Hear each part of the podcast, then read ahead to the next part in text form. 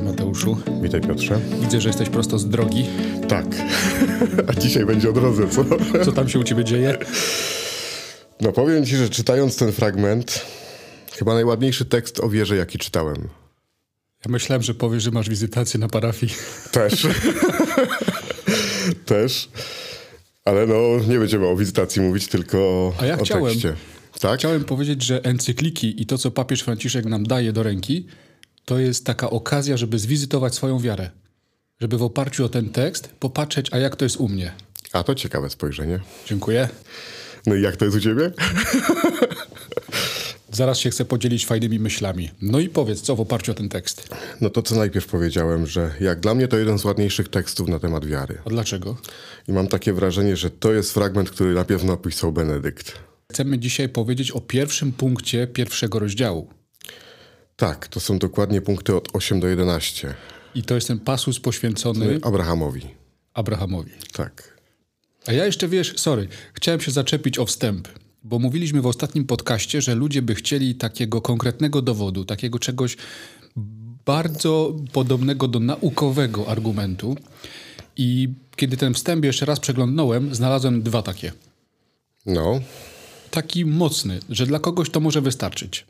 Y, Tam papież we wstępie pisze, że ludzie od zawsze kierują się w stronę światła, szukają światła i powstaje kult słońca. Ale nikt Tak, się tak, nie tak, dał zabić za za wiarę w słońce, a za wiarę w Jezusa ludzie ponoszą śmierć. jest to argument, ale myślę, że byłoby można znaleźć kontrargument. No, Są takie przypadki, gdzie różne sekty popełniały nawet masowe samobójstwa z powodu wiary w coś. masz rację. No. Ale to pokazuje, jak bardzo można mieć coś mocnego w sobie, że nawet do takich decyzji jestem Tak. Natomiast skłonny. tu ma papież bardzo dużą rację, że z powodu wiary w jakieś bóstwo nikt nie oddawał życia. Albo o tym nie wiemy. Albo przynajmniej nie spotkaliśmy. I drugi jeszcze ten argument z tego wstępu.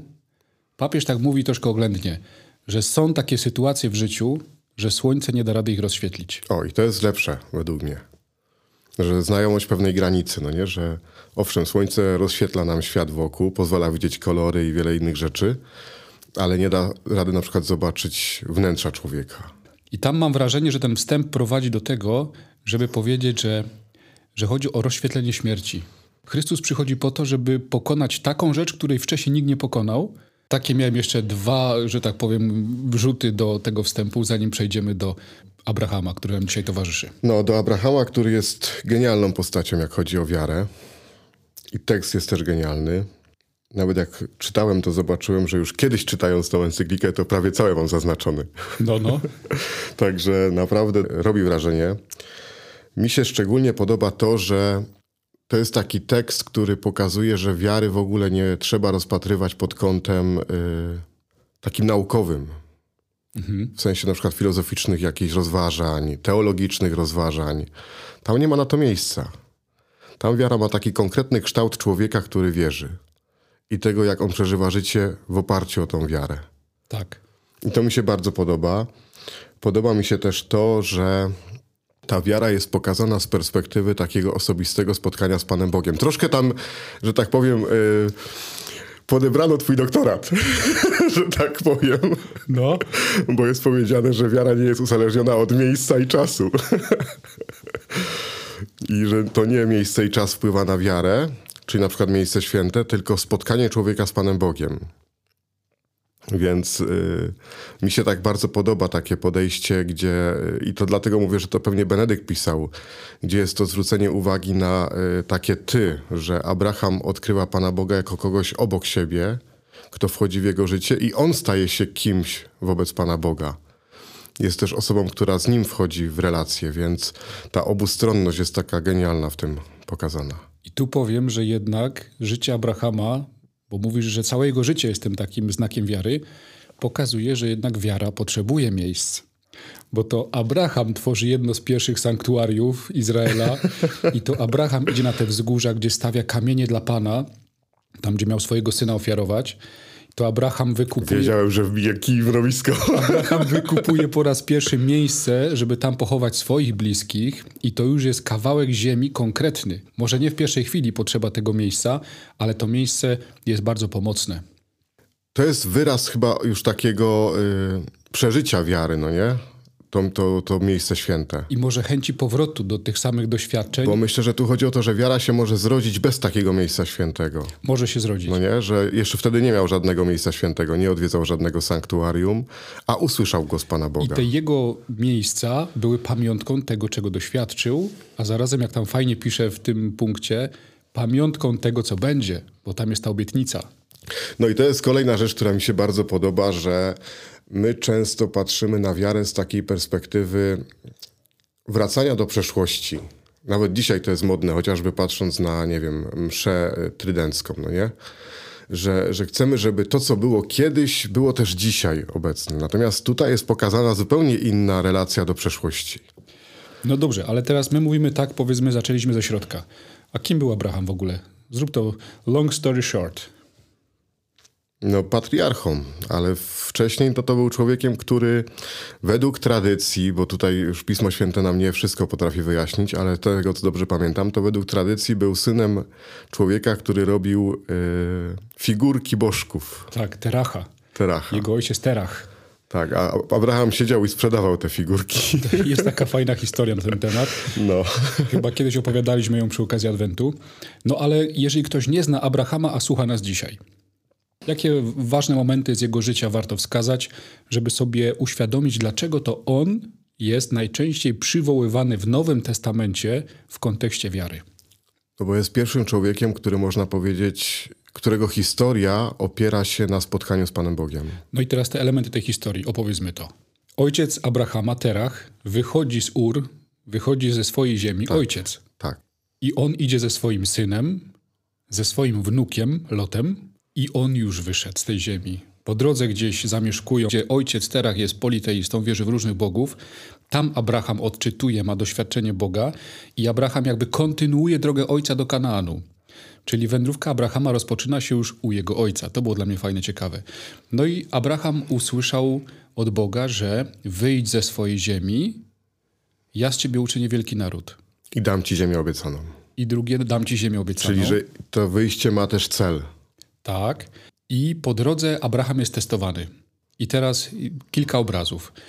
Rodzi mu się syn, którego Pan Bóg mówi: ofiaruj go. I Abraham nie może sobie z tym poradzić. Jak to jedynego syna mam ofiarować, skoro mi obiecałeś? No i tu jest Nowy Testament, jest list do Hebrajczyków, list do Galatów, gdzie tamta teologia mówi nam: Abraham tak bardzo wierzył Panu Bogu, że sobie mógł pomyśleć tak: Ty mi obiecałeś, to jest Twój biznes, Twoja sprawa. Ja mam być wielkim narodem, bo Ci zaufałem. To mówię tak żartem. Ale o co chodzi z tą wiarą? On wierzy, że gdyby nawet zabił Izaaka, to Bóg jest w stanie go skrzesić. Tak, on wierzy, że Bóg jest ojcem życia. To ta encyklika też mówi właśnie. Tak. Że on spotkał takiego Boga, Boga, który daje życie. Obiecuje życie. O, to jest też tam podkreślone, że cała ta obietnica złożona Abrahamowi odsłania taką prawdę o Bogu, że Bóg jest stwórcą, kimś, kto podtrzymuje w istnieniu i kto może dać życie, więc Abraham ma komu zaufać, Tak. podnosząc nóż na własnego syna, no nie, na Izaaka. I wcześniejsze wydarzenia, kiedy Abraham podejmuje trzech gości pod dębami tak, Mamre, pod dębami Mamre. to tam też jest takie przesłanie, że on już jest stary, ten Abraham, jego żona jest w podeszłym wieku i gdzieś spotkałem takie określenie, że ich łona, ich możliwości co do przekazywania życia są już martwe. Oni nie wiążą z tym żadnych nadziei. I tu już działa Pan Bóg, jest dawcą życia, że Abraham Że Abrahamowi rodzi się syn, po prostu. Wtedy, kiedy po ludzku patrząc, nie było mowy o czymś takim. No i kiedy się przygotowywałem, to tak myślę, dlaczego Pan Bóg tego Abrahama tak testuje? Trzeba by było spytać Pana Boga. No ale, no wiesz, no, jest ten Abraham. Też wyczytałem, że Abraham zaufał Panu Bogu, kiedy był jeszcze nieobrzezany. I dlatego Abraham jest uznawany za ojca wiary wszystkich. Tak, do niego się tak naprawdę odnoszą wszystkie wielkie religie. No stoi u początku w ogóle, byśmy powiedzieli, historii wiary. Bo jeżeli tam encyklice jest podkreślone, że wiara ma swoje dzieje, to jest też bardzo ciekawe, że wiara ma swoje dzieje, to można powiedzieć, że u początku tych dziejów wiary stoi właśnie Abraham. No i- i skoro już stoi i ma tą relację z Bogiem, to dlaczego nagle te kolejne testy? Może dzisiaj my to tak nazywamy testy, a wcześniej wydarzenia, ale po co? Mamy to w Piśmie Świętym, że Bóg wypróbuje człowieka, no nie? Bóg przepala tą wiarę człowieka, sprawdza, czy to jest prawdziwa wiara, czy ta wiara to nie jest tylko coś, co się właśnie wtedy, kiedy będzie ciężko, odwróci od Pana Boga. To, co ty powiedziałeś, że nikt nie umierał za Boga Słońce, ale za Chrystusa umierają. Do dzisiaj. Nie wiem, czy to w tej encyklice, ale znalazłem takie zdanie, że wiara nie jest wyborem, którego się dokonuje raz na zawsze. To nie w tej encyklice. Trzeba ją odnawiać, bo ciągle jest poddawana próbie. I no to, to już mówiliśmy o tym też chyba, no nie? Przy jakiejś okazji. Mhm. Że, że to jest coś, co, co się ciągle dzieje w życiu człowieka. No ale to jeszcze nie jest chyba powód, żeby testować człowieka. No, że wiary nie można mieć już w plecaku. Wiara się dzieje cały czas. I dlatego to nie są testy, tylko to jest ta siłownia dla wiary, nie? A, i to już jest zupełnie inne podejście, no tak, nie? Tak. Bo to już nie jest taki Pan Bóg, który siedzi, a zobaczymy, czy jeszcze to wytrzymasz. Tak, tak, tak, tak. Tylko to jest ktoś, kto mówi, dałem ci obietnicę, a zobaczymy, czy ta obietnica cię poprowadzi taką drogą, a nie inną, no nie? I to już jest w encyklice. No i to już jest w encyklice. nie, bo to jest bardzo piękne, no nie? To, co teraz powiedziałeś, zupełnie zmienia y, dialog chociażby z osobami, które mają zarzut do Pana Boga o takie testowanie. Czasem to jest argument przeciwko wierze, że Pan Bóg to jest ktoś, kto testuje człowieka. Tak. A tutaj jest pokazane nie, że Pan Bóg testuje, tylko że wiara od nas wymaga e, pewnego zmagania się. To można powiedzieć, wiary nie można mieć. Wiarę się non-stop wykuwa. Tak. Ale też znalazłem inną myśl, że wierzący to jest wspólne słowo dla człowieka, określające człowieka i określające Boga. Ale to jest w encyklice. No popatrz. Zobacz, wiemy gdzie znalazłeś. tak, tak, to jest bardzo ciekawe stwierdzenie. Że to, co łączy Boga i człowieka, to jest właśnie wiara i wierność. Człowiek wierzy w Boga, wierzy Bogu, a Bóg zawierzył człowiekowi, powierzając mu swoją obietnicę, Obietnicę, swoje dary. Tak. No tu jest cały taki temat bardzo piękny dla nas, gdybyśmy chcieli spojrzeć na naszą wiarę, to to, czy my mamy takie miejsca, momenty w życiu, y, kiedy, do których możemy wrócić, tych obietnic Pana Boga. Bo to, co ty mówisz, że Abraham się siłował z wiarą i dlatego przechodził takie trudne momenty w wierze, ale on wiedział, do czego wrócić.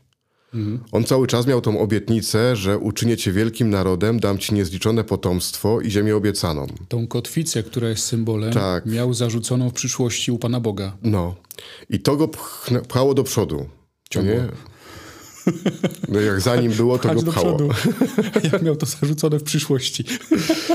No nie, no jest to przeszłość, to nie? Obietnica jest przeszłością. Obietnica to jest coś, co już usłyszał kiedyś. Co do przyszłości. Co do przyszłości, ale jest z tyłu, jest tak. za nim, no nie? To jest coś, do czego się trzeba odwrócić.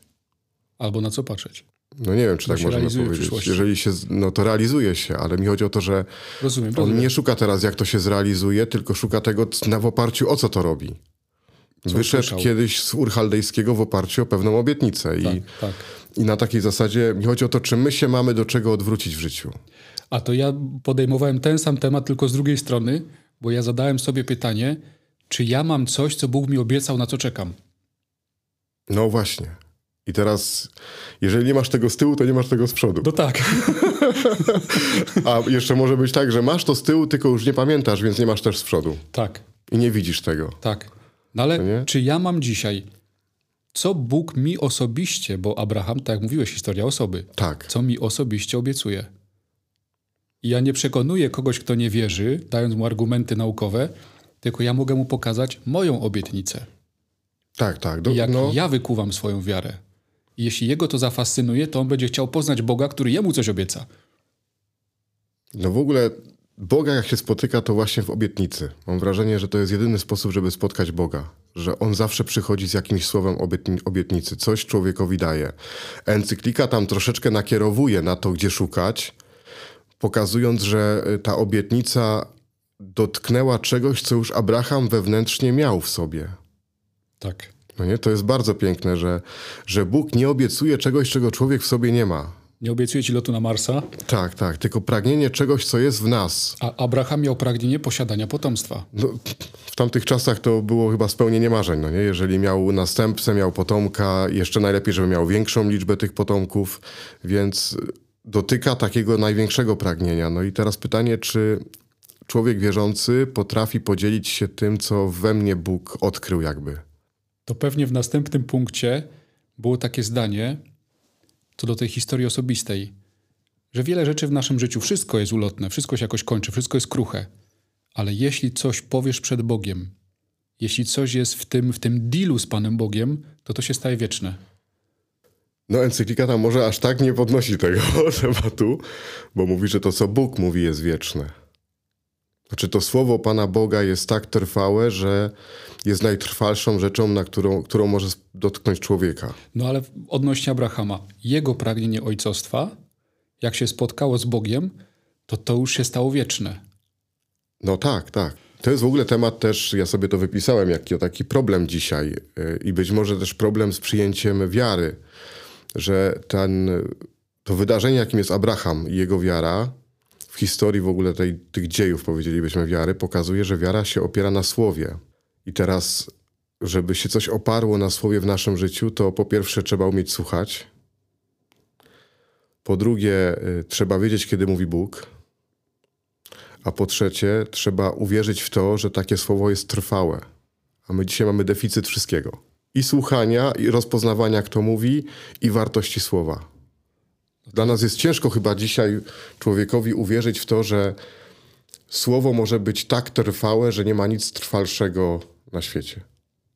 Mamy doświadczenie takie, że słowo dzisiaj powiedziane jutro nie ma żadnej wartości. To jest chyba z tego fragmentu, co o tej wieczności mówiłem, że to słowo może być trwałe. No. Mówimy o Abrahamie, ale przecież przed Abrahamem był Noe. Dlaczego nie Noe? Też wielki gość. No wielki człowiek. Napracował się. Napracował się. Arkę zbudował. A ile zwierząt Mojżesz wziął do Arki? Noe wziął zwierzęta do Arki, a nie Mojżesz. Stary suchar. Jest wczesna pora poranna, ale nie aż tak wczesna. no ale czemu właśnie nie Noe? Nie wiem, szczerze mówiąc. Ja Może dlatego, że w przypadku Noe chodziło o coś zupełnie innego. A też zaufanie Panu Bogu. Pan Bóg mówi, będzie potop. No mi się Noe zawsze kojarzy tylko zwzięty albo zostawiony. Bo to jest w Nowym Testamencie. Jak było za dni Noego, tak będzie za dni tak. przyjścia Syna Człowieczego. Będą dwie mleły na żarnach, jedna będzie wzięta, druga, druga zostawiona. zostawiona no I to jest już ten moment potopu, nie? że jeden tam jest uratowany, drugi jest zabity. Ale tak wczoraj o tym myślałem. Mam intuicję. No to po, podziel się. No zaintrygowałeś mnie teraz, bo jakoś w ogóle nie zastanawiałem się, dlaczego nie Noe jest takim ojcem wiary, tylko właśnie Abraham. Że Abraham raczej był na pewno. A Noe nie. Nie wiemy. Nie wiemy.